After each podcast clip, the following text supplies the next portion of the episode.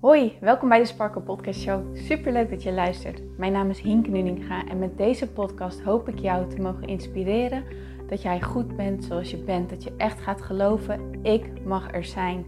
Ik tel mee en ik ben wie ik ben voor een reden. En dat is precies wie ik mag zijn. Zodat je niet alleen voor jezelf die innerlijke rust en zelfliefde gaat ervaren, maar dit ook meegeeft in een ripple effect aan alle mensen om jou heen in jouw omgeving. Ik hoop je te mogen inspireren om los te laten wat, alles wat jou niet langer dient. En dat jij echt gaat voor datgene waar jouw hart sneller van gaat kloppen. Dus ik zou zeggen, geniet van deze aflevering en let's go. Hey mooie sparkles, welkom bij deze nieuwe episode van de Sparkle Podcast Show. Leuk dat jij erbij bent. Vandaag wil ik het met jullie gaan hebben over een stukje emoties en dan met name over negatieve emoties. En dan met name over waar dit vandaan komt, zodat jij voor jezelf begrip kan creëren. Dat je niet boos hoeft te zijn, dat voor jou het misschien moeilijk is om over bepaalde situaties positief na te denken. En dat het eigenlijk een hele logische verklaring heeft en dat jij er dus wat aan kan gaan doen. Als ik naar mezelf kijk, dan staat sinds 2016 de kracht van positief denken al op mijn vision board. En dat vision board heb ik nog steeds in mijn werkkamer staan. En dat is er toen destijds opgekomen omdat ik merkte hoe moeilijk ik het vond om positief te denken. Ik weet nog dat ik een keer een tip had gekregen om elke dag eventjes stil te staan bij wat er goed was gegaan die dag. En dat ik dat gewoon niet vol wist te houden. Het lukte me niet. Mijn aandacht werd zo automatisch getrokken naar al die negatieve dingen die ik in mijn hoofd zag, hè, die, zoals ik het had ervaren, dat het heel lastig voor me werd om nog te zien wat er wel goed was gegaan en wat er wel positief was geweest, zeg maar. Maar ik vond het heel erg vervelend. Ik vond het onwijs vervelend dat het me zo gezegd niet lukte. Ik was er ook wel een beetje boos op, op mezelf. En ik was boos op, eh, op mensen in mijn omgeving. En uh, want het was hun schuld. En uh, als ze, weet je wel, dus ik zat echt een beetje in, in zo'n rol. Een beetje in zo'n soort van slachtoffer, boze rol, zeg maar. En dat wilde ik niet meer. En ik wilde echt leren om positief te denken. Dus ja, dat was op mijn vision board gekomen, de kracht van positief denken.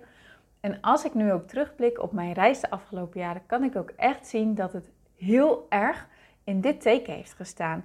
In je zelfbeeld, in om leren gaan met emoties en gedachten. En dus ook echt je mindset leren sturen. Het leren sturen van je gedachten. Maar je kan je gedachten pas leren sturen wanneer je begrijpt waar ze vandaan komen. Dat is in elk geval wel mijn ervaring. Ik heb heel veel oefeningen gedaan, zoals leren affirmeren. Hè, dat je affirmaties op gaat schrijven van uh, hoe jij wilt dat een situatie is. En deze affirmaties dan gaan herhalen en zo. En op de een of andere manier lukt het me ook niet om dit vast te houden. En zo heb ik heel veel pogingen gedaan om positiever te leren denken over iets. Maar elke keer viel ik weer terug. En elke keer lukt het me niet om door te zetten of om vast te houden. En dat zorgde voor zoveel boosheid bij mij, zoveel onbegrip. Ik snapte gewoon niet waar dit vandaan kwam. En ik had ook echt het idee van, wat de F? Waarom lukt het niet? Weet je wel, wat de F is er mis met mij? En misschien herken je dat wel bij jezelf. Dat jij merkt dat je graag positiever in het leven wil staan. Dat je positiever over jezelf wil zijn. Dat je je positiever wil voelen.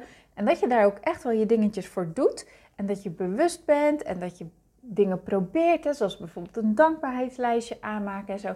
Maar het voldoet niet. Het voldoet gewoon niet. Elke keer word je weer als vanzelf teruggezogen naar die negatieve emoties. Nou, ik heb daar inmiddels twee verklaringen voor. De eerste is een wat meer spirituele verklaring. Ehm, de wet van aantrekking. De wet van aantrekking werkt zoals de wet van zwaartekracht. Je ziet hem niet. Je kan hem als het ware niet ruiken of zo, maar hij is er wel en hij beïnvloedt heel erg ons leven. Nou, ik vind het vooral ook interessant om te ontdekken waarom dingen lopen zoals ze lopen en het dan met de wet van aantrekking echt volledig te kunnen verklaren. En dat werkt zeg maar zo: alles waar jij aandacht aan schenkt, dat groeit. Maar dat groeit ook in momentum. En momentum bedoel, ja, dat is zeg maar soort de, de kracht achter iets. Hoe meer jij over iets nadenkt, hoe sterker het momentum erachter wordt. En dan wordt het op een gegeven moment, hoe vaker jij erover nadenkt, hoe sterker die wervelwind van momentum erachter. Op een gegeven moment wordt het autisme, worden die bepaalde gedachtenpatronen autisme voor, ja, uh, automatisch, sorry, automatisch voor jou. Dus als jij gewend bent om met een negatieve blik te kijken of gefocust te zijn op wat er niet goed is gegaan of allemaal dat soort dingen, dan heeft dat een enorm momentum opgebouwd en brengt de wet van aantrekking jou elke keer weer dat soort gedachtenpatronen en dat soort gedachtegangen. Want dat zit nou eenmaal in jouw aantrekkingspunt. Dat is actief in jou, snap je? Dat is actief en dat trekt dus meer van hetzelfde aan.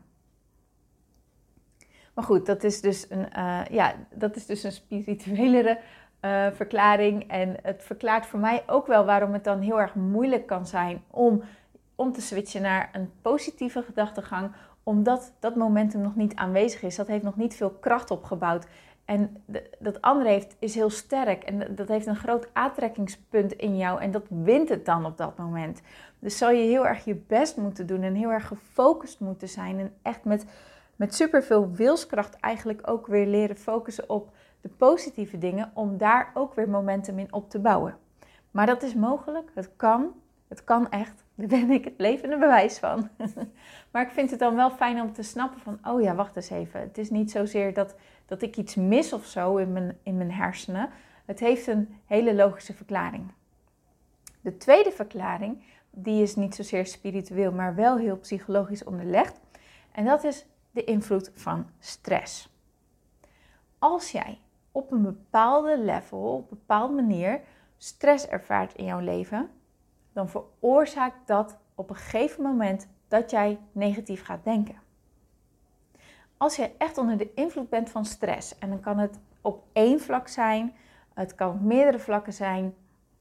Het kan natuurlijk ook zo zijn dat jij vroeger op bent gegroeid in een stressvolle thuissituatie. Dat er gewoon veel uh, emotionele spanningen waren bij jou thuis. Uh, bijvoorbeeld tussen je ouders of bij één ouder of bij een broer of zus. Of, hè, dat maakt niet uit, maar in elk geval in jouw thuissituatie waren er veel emotionele spanningen, wat ook weer heel veel stress oplevert. Dan ga jij eigenlijk in een soort, als dit te lang duurt, dan ga jij in een overlevingsstand. Dan, dan, dan, dan, raak je in een bepaalde stand om hiermee om te gaan, om met die stress te dealen. En als jij hier lang in verblijft, dan vraagt dat ontzettend veel van jou. Je kan het als het ware zien als een soort van elastiek wat telkens op maximale spanning staat. En je kan je voorstellen hoe langer dit elastiek op maximale spanning staat, hoe meer het van je gaat vragen. En hoe zwakker het elastiek op een gegeven moment ook wordt. Hè? Ik bedoel, de kwaliteit die gaat daarmee een beetje verloren. Nou, als dit zo is, dan heeft dat natuurlijk gevolgen. En in ons brein heeft dat het gevolg dat het gewoon heel erg moeilijk wordt om nog positief te denken, om nog te kunnen relativeren, om nog bepaalde dingen erbij te kunnen hebben. Dat gaat allemaal niet meer. Stress zorgt voor negatief denken. Het is gewoon zo. Dus heb jij veel stress op dit moment, dan is het ontzettend logisch dat het ook lastig is om nog.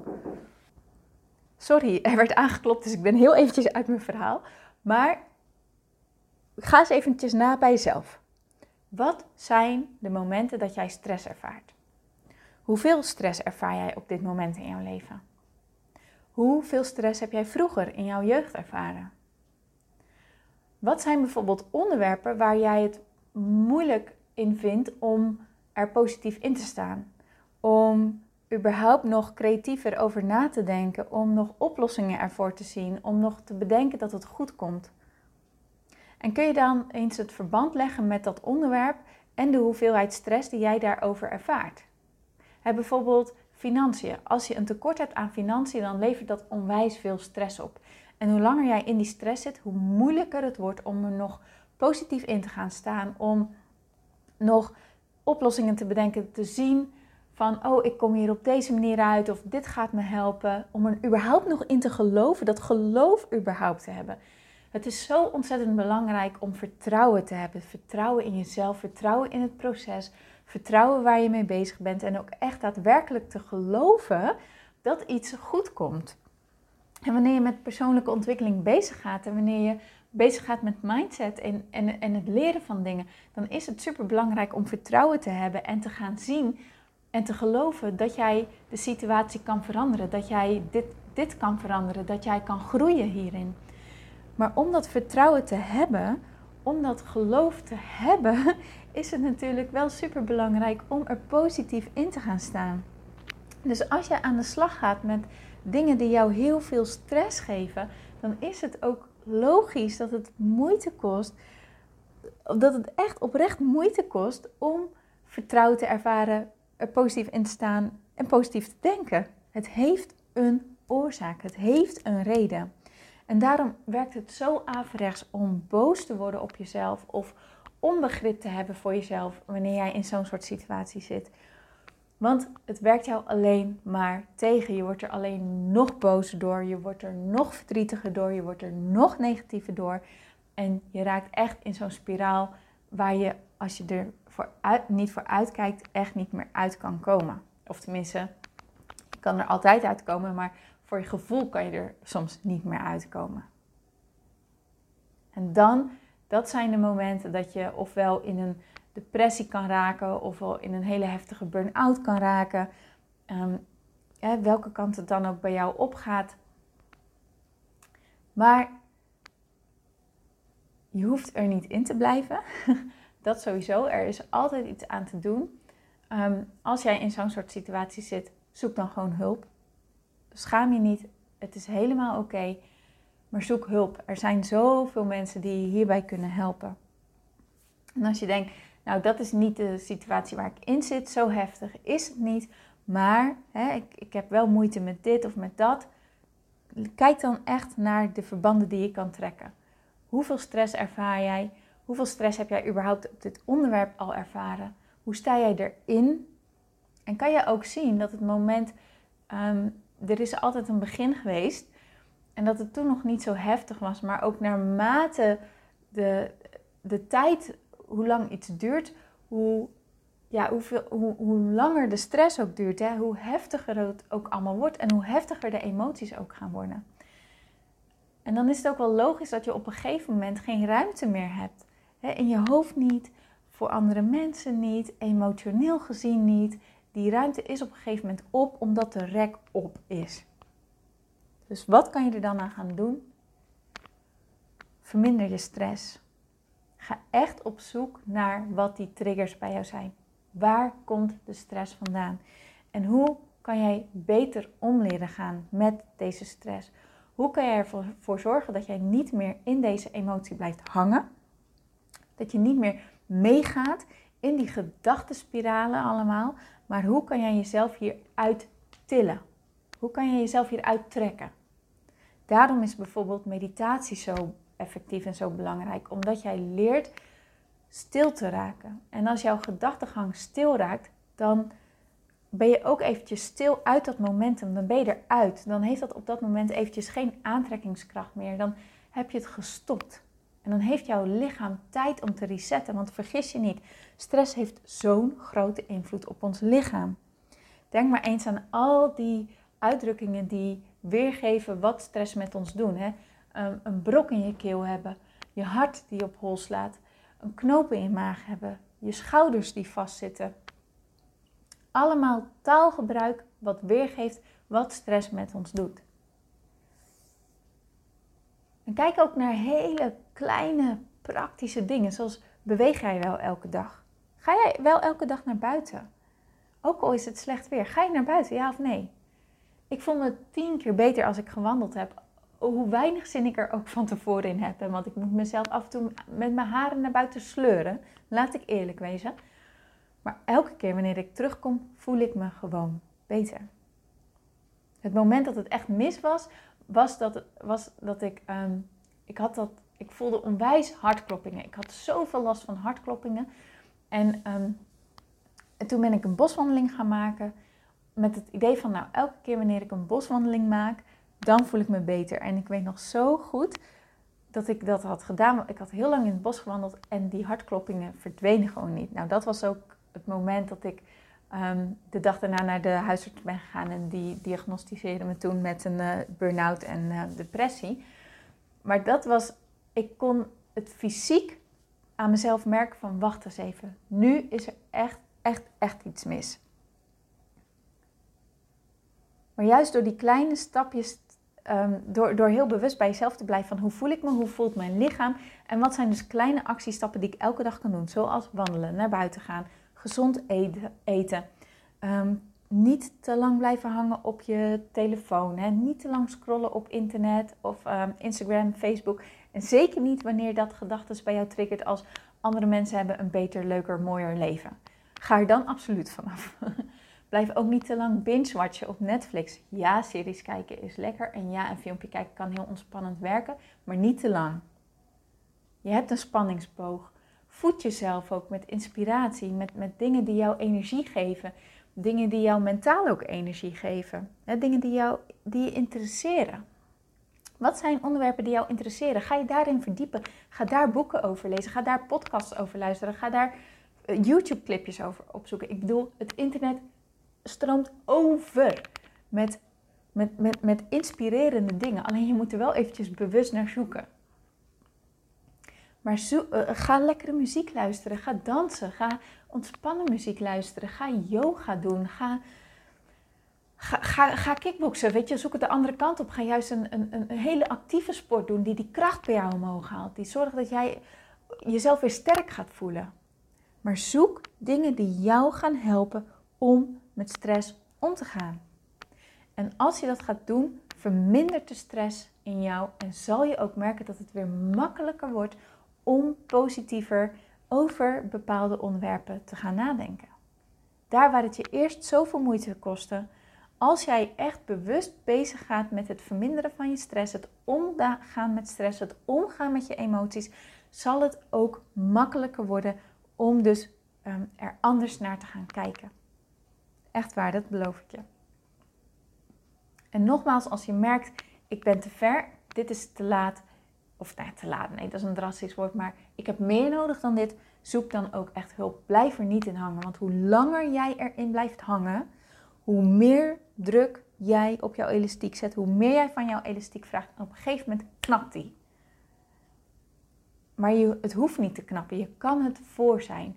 Maar let dus heel goed op jouw fysieke signalen. Hoe voel jij je? Hoe vaak heb jij last van hartkloppingen, een knoop in je maag, gespannen schouders, um, dat je voorover gebogen loopt, um, druk op je schouders, een brok in je keel, emoties die alle kanten opvliegen of juist emotieloos zijn. En hoe, hoe reageer jij op mensen? Hoeveel ruimte heb jij überhaupt voor mensen?